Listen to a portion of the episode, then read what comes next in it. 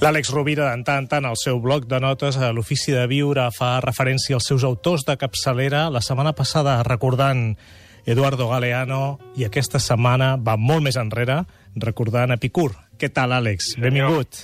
Molt bé, Gaspar. Com, com diem sovint, avui el que és nou són els clàssics i, per tant, cal tornar la mirada cap a un autor de referència clàssic, Ep- Epicur de Samos, i la seva doctrina filosòfica, l'epicureisme, que val molt la pena conèixer.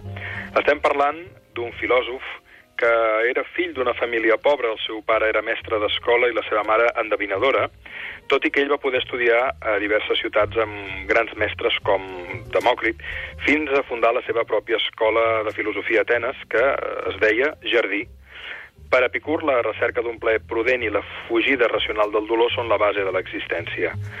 Renega del determinisme, del destí, dient que la naturalesa està bàsicament regida per l'atzar, dins del qual podem trobar la llibertat. Epicur, si té alguna cosa que valdria la pena subratllar, és que aborda el plaer des de la intel·ligència i la moderació. Descarta anar a l'extrem de l'excés o la privació, ja que comporten un dolor en el futur.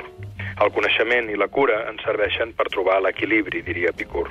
Va ser un mestre no només eh, de la filosofia, també de la física, de l'ètica, i m'agradaria, com sempre, Gaspar, compartir alguns aforismes d'aquest eh, gran pensador. Molt bé, magnífic. Deia Epicur, vols ser ric? Doncs no t'afanyis en augmentar els teus béns, sinó en disminuir la teva cobdícia. També afegia, l'home que no s'acontenta amb poc, no s'acontenta amb res.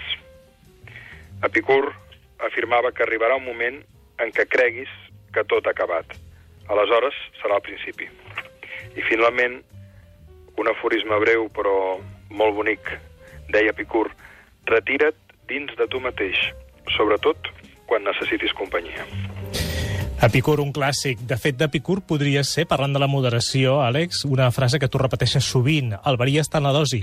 Sí, que s'atribueix a Paracels, però que estaria molt en la línia d'Epicur, un altre, un altre autor de referència, Paracels, del qual algun dia en parlarem.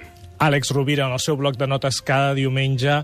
Podeu llegir-lo al seu blog, al seu web, podeu escoltar-lo en les seccions endarrerides a catradio.cat. Us en podeu subscriure a la seva secció també. Àlex, moltíssimes gràcies. Una forta abraçada. A Fins tu diumenge. sempre, estimat Gaspar, una abraçada.